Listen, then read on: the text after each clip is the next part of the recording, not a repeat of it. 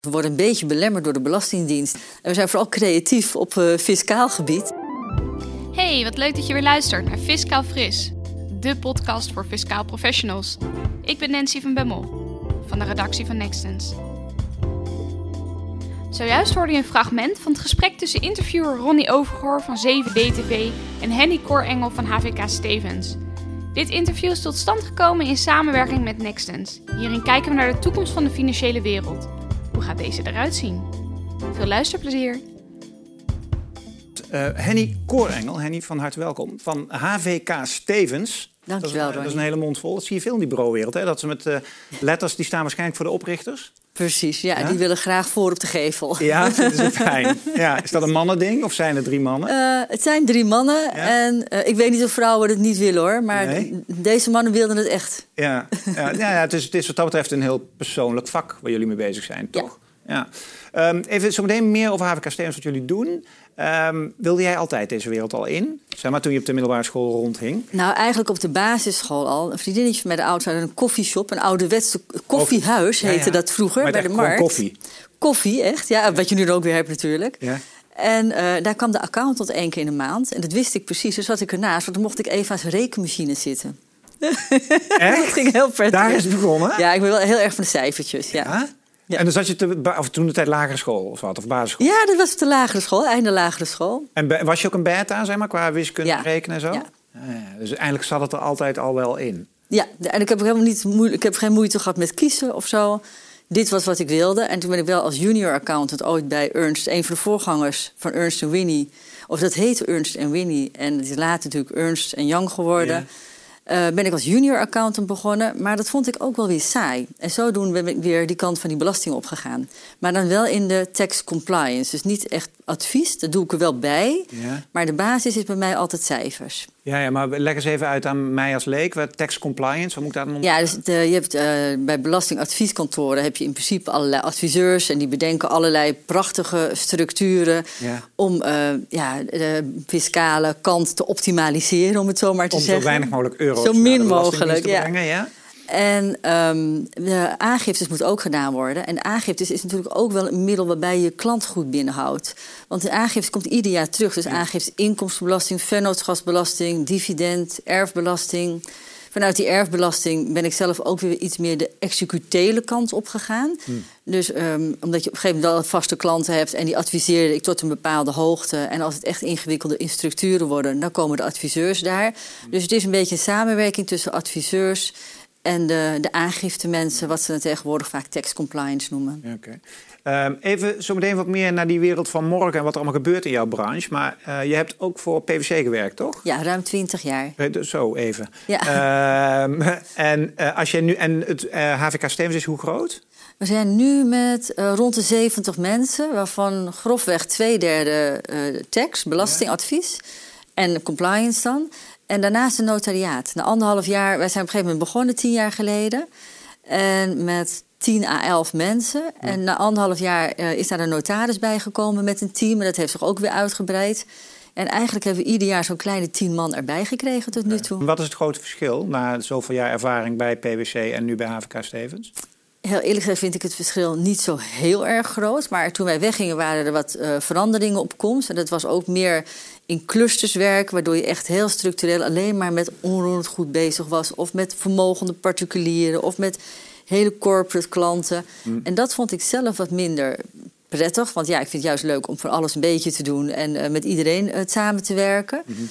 En dat werd toen ook heel erg gescheiden voor de, de tax compliance mensen en advies. Daar zaten op een gegeven moment de ene zat op de tiende etage en de ander op de zesde etage. En dat vond ik zelf minder leuk, waardoor ik eigenlijk ook een beetje rond ben gaan kijken. Mm -hmm. En toen kwam dit voorbij en wij zitten nu allemaal weer door elkaar. En dat is heel erg leuk. Ik heb ook een stagiair op de Kamer, die heeft dan fiscale economie gestudeerd. En die zit dan bij mij voor die economische kant en de cijfertjes. Maar tegelijkertijd doet hij ook advieswerk in de gang. Ja. Dus hier kan gewoon alles weer. Dat was eigenlijk vroeger bij PwC ook. En ik weet eigenlijk niet precies hoe dat nu is. Maar omdat ze richting die clusters gingen, vond ik het zelf wat minder leuk worden. Mm. Toekomst van finance, een beetje de titel van deze serie die we eh, maken. Als we een aantal aspecten daarvan gaan bekijken. En laten we om te beginnen, het is leuk dat jij je introduceert met, je, met, de, met de reken, het rekenmachientje. Ja. Uh, dat is tegenwoordig wel, dat ding is wel wat geëvolueerd, zeg maar, zullen we zeggen. Als we kijken naar technologie, hoe belangrijk is de impact daarvan op jullie vak? Nu al en, en als je kijkt naar morgen? Ja, enorm, want er gebeurt natuurlijk een heleboel. We zijn, ik denk, en dat geldt misschien ook al voor Nexus... we worden een beetje belemmerd door de Belastingdienst... die eigenlijk niet opschiet met technologie. Hm. Ja, als het naar de Belastingdienst nog niet aangeleverd kan worden... dan kunnen wij technisch allerlei leuke dingen bedenken. Dat geldt denk ik ook voor Nexus. Hm. Maar dan kunnen we het niet kwijt. Hm. Dus ik denk dat het zelfs nog veel harder zou kunnen gaan. En dat zal ook zeker doorpakken. Want even, voor duidelijkheid, hè, want mensen zitten te kijken denken Nextens, dat is natuurlijk degene ook die dit programma maakt, maar die zitten ja. eigenlijk tussen, hè, als het ware. Jij, jullie gebruiken software van Nextens om die aangifte te doen. Ja, precies, dat zeg je. Uh, dus, dus eigenlijk zeg je, Belastingdienst schieten ze op. Ja, als we het dan toch gaan doen, laten we het dan maar goed doen en zo snel mogelijk. Maar je zou kunnen zeggen, dat beseffen ze zich misschien zelf ook langzamerhand wel. Zijn ze goed bezig? Nou, ik zeg ook niet dat ze dat niet willen, maar hm. ik, uh, het schiet niet op. Hmm. En waardoor dat dan precies komt, misschien te weinig mensen of uh, te weinig kennis binnen ons huis. Te veel mensen misschien. Uh, te veel mensen of uh, de investering niet kunnen maken, kan ook. Je hebt natuurlijk ook een enorm hardware daarvoor nodig. Hmm. Dus, maar daar kan ik niet zo goed inkijken. Maar het, ja, het zou een beetje sneller mogen langzamerhand. Ja. En waar merk je dat concreet? Waar, waar loop je dan concreet tegenaan als bureau of als kantoor? Oh, nou, we hebben daar dagelijks nog niet zoveel last van. Um, kijk, het is ook een voordeel, zolang de Belastingdienst het nog niet allemaal zo goed gestroomlijnd heeft, zijn de klanten ook wat meer afhankelijk van ons. Dus moeten wij gewoon weer meer leveren. Dus commercieel gezien is dat nog niet direct een probleem. Mm -hmm.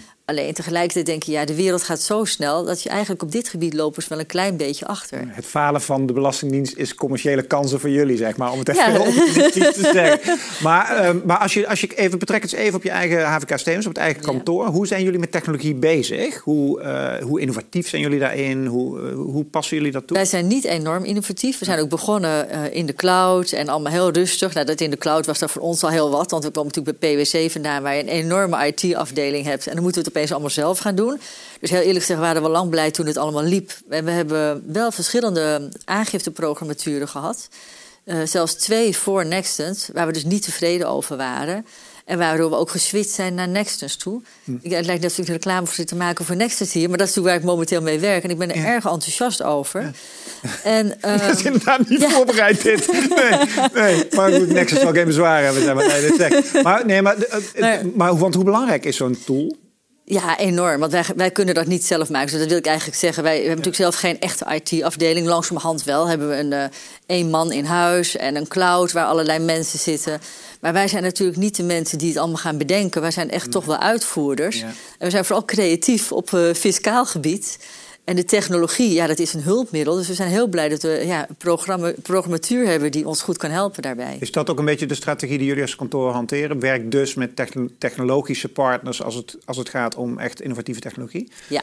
Want jij zegt zelf zijn we liever creatief met cijfers. Dat vind ik wel een mooie uh, uitspraak.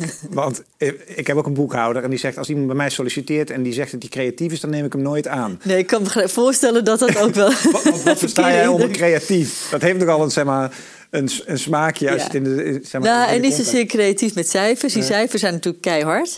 Maar we zijn natuurlijk wel, uh, we zijn er om mensen te adviseren wat de beste, hè, de optimale fiscale weg is. En dan gewoon natuurlijk wel met de wetgeving onder de arm. Mm -hmm. Maar, dat, maar uh, daar, zit heel, daar zit enorm veel ruimte in natuurlijk. Ja. Hm. Dus daar, uh, daar zit onze creativiteit. En dat is ons vak waar we mee bezig zijn. En wij zijn geen, technologisch gezien zijn wij natuurlijk een stelletje nerds. Ja. Of nee, geen nerds. Nee, geen anti-nerds. Anti ja, ja, precies. Ja, um, hoe is dat, is, dat een, is dat een probleem? Want mensen zeggen ook wel eens van... als je naar de toekomst kijkt, elk bedrijf wordt een techbedrijf. Zeker in jullie sector.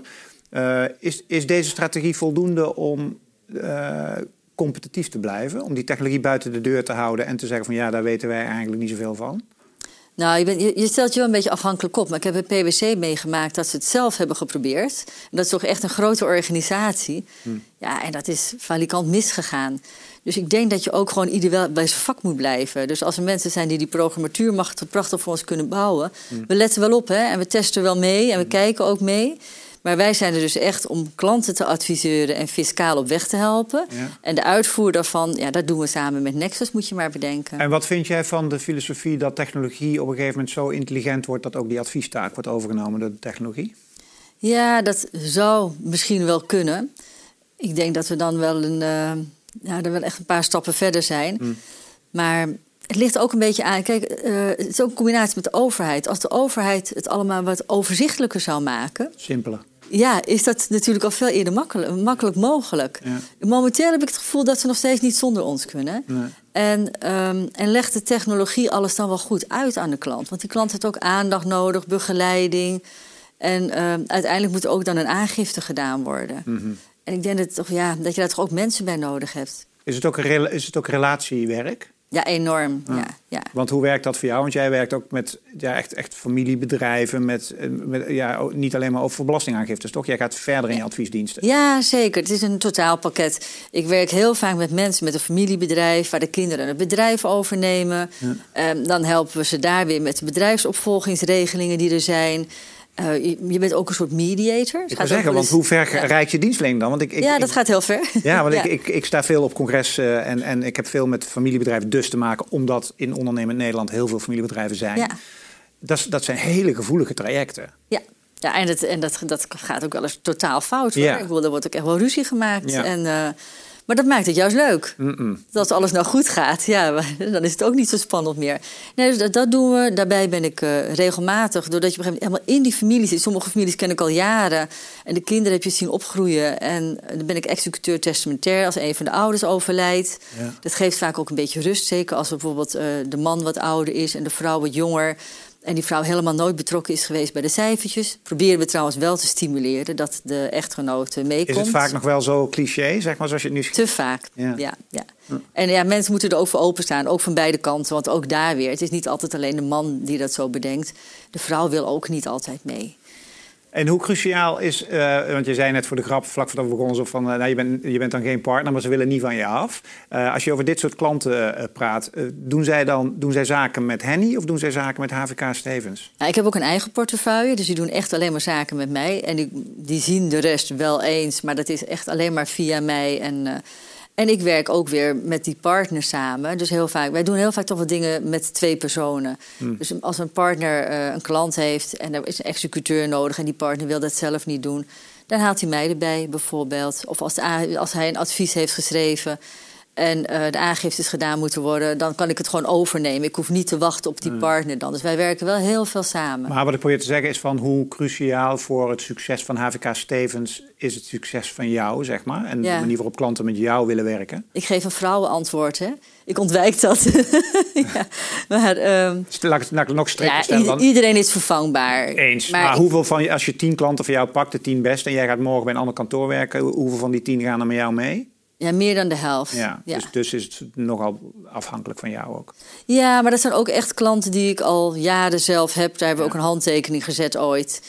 En eh, van, Ja. als, die me, als, die, als ik ooit wegga en die willen mee, dan gaat niemand daar moeilijk doen. En de klanten van de partners, waar ik gewoon ook soms heel goed mee samenwerk en die me goed kennen, Hmm. ja, dat is gewoon ook een gentleman's agreement. Daar blijf ik verder natuurlijk van af als dat ooit zou Nee, snap ik. gebeuren. Maar ik zit alleen even te filosoferen van zou je... eh, zou het mogelijk zijn dat als we in de toekomst kijken, dat, want ik ben het met je eens, denk dat zo'n persoonlijke touch steeds belangrijker wordt, naarmate technologie ook belangrijker wordt, want Ja. dat is waarmee je je onderscheidt. Ik kan me ook voorstellen dat je flexibelere organisaties krijgt. Hè, waarbij, je nu is het nog heel klassiek. Het is, Ja, een, het is, een, klassiek. het is een kantoor, er zitten partners en eh, weet je, dat is de structuur. Ja. Eh, kun, je, kun je daar eens bij voorstellen dat die organisaties eh, gaan evolueren? Ja, dat- dat, dat zal ook wel gebeuren. Ik kan me eigenlijk nog niet helemaal voorstellen hoe dat er dan precies gaat uitzien. Nee. En ik denk dat onze kracht, wat je al aangeeft, ook gro- grotendeels toch ligt bij de aandacht die de klant geeft, maar ook de kennis die je hebt van de familie. Dat een familie, Hm. als die eenmaal bij ons zijn en ze zijn tien jaar klant, dan, dan kennen wij het DNA van die familie. En als zij weggaan naar een ander kantoor, moeten ze daar toch weer helemaal opnieuw beginnen. En dat is volgens mij ook wel een reden waarom klanten. Eh, ik hoop dat ze ook gewoon tevreden zijn, maar ook daardoor blijven ze ook wel bij ons hangen. Ja, vakkennis is één, maar dit is eigenlijk veel belangrijker. Ja, een combinatie van dingen misschien. Ja, precies. Eh, vertrouwen, Precies. wat zeggen ze ook weer, komt voet, gaat paard, hè, geloof ik? Ja. We, hoe, hoe hou jij het vertrouwen bij, bij... Want dat is denk ik... Is dat een kernwoord van hoe jij opereert? Vertrouwen? Ja, vind ik zelf wel heel belangrijk. Ja. En we noemen, ook soms one-stop shopping. Dat mensen niet langs allerlei uh, loketjes hoeven, maar dat ze gewoon één iemand hebben die eigenlijk weet hoe hun financiële, fiscale situatie in elkaar zit. En op het moment dat ze daar vragen over hebben, en bijvoorbeeld bij een overlijden, dan komen er wel eens wat meer vragen op tafel, dat diegene dat ook uit kan leggen. en hoe hou je dat vast? Ja, ik denk dat het ook. Uh, het is echt niet zo dat ik altijd heel aardig ben tegen mijn klanten. Ik ben ook wel eens streng tegen ze. En, maar ik denk dat, ze, je ook het, dat zij het gevoel moeten hebben dat ze je kunnen vertrouwen en dat je er voor ze bent. Ja, en dat is gewoon een kwestie van doen, denk ik. En er moet wel een soort van chemie zijn tussen de klant en, uh, en mijzelf dan. En mag dat ook, tot slot, mag dat ook geld kosten? Ik bedoel dat. dat ik denk dat heel veel vertrouwen weg is gegaan in de financiële sector. Want in mijn ogen, misschien wel, dat zijn mijn woorden, hè, die te maken hebben ook wel met een stuk greed. Dat er gewoon veel geld wordt verdiend. Als jij zo staat voor jouw klanten, mag dat dan ook ten koste gaan van winst? Ja, niet dat je verlies moet gaan draaien, maar snap je wat ik bedoel? Is het als je moet kiezen tussen optimaliseren van winst of net iets extra's voor die klant? Ja, nee, het is wel zo. We beogen natuurlijk gewoon winst. We zijn een commerciële instelling, zo simpel is het gewoon. Hmm. En de klanten begrijpen dat ook. Maar het gebeurt natuurlijk best wel eens dat ik s'avonds nog eens een uurtje bezig ben en dat het een keer niet geschreven wordt. Of dat een klant me belt. Het is eerder nog wel eens een telefoongesprek dat je denkt van nou. Hè, dat op gegeven moment niet op.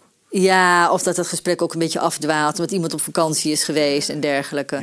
Dus je, dit, precies, er wordt nooit acht, als je acht uur werkt, wordt er nooit acht uur geschreven. Nee, nee, uh, samenvattend, als we kijken naar de grootste uitdagingen uh, naar de komende, nou pak hem eens beter, laten we eens een jaartje of vijf doen. Wat zijn dan in jouw ogen de belangrijkste uitdagingen waar jullie sector mee te maken krijgt? Ik denk dat Belastingdienst er wel één van is. Ja, nou ja, kijk, als die Belastingdienst op orde is, en dat zal echt wel een keer gebeuren, en dat is ook wel, die zijn ook wel stappen aan het maken natuurlijk dan zeker het aangiftewerk, wat aan mijn kant ligt, dat zal natuurlijk veel simpeler worden. Hm. Op een gegeven moment dan zal het allemaal geautomatiseerd kunnen worden. En dan ben je er echt alleen als uh, ja, adviseur en uh, om de klant bij de hand te nemen.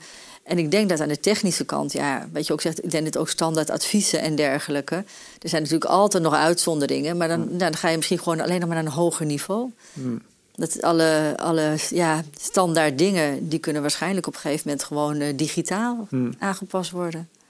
Zie je de toekomst uh, positief tegemoet? Altijd, ja. ja? ja dat verbaast me dan weer, Nick. En die mag ik jou bedanken hè, voor ja. dit gesprek.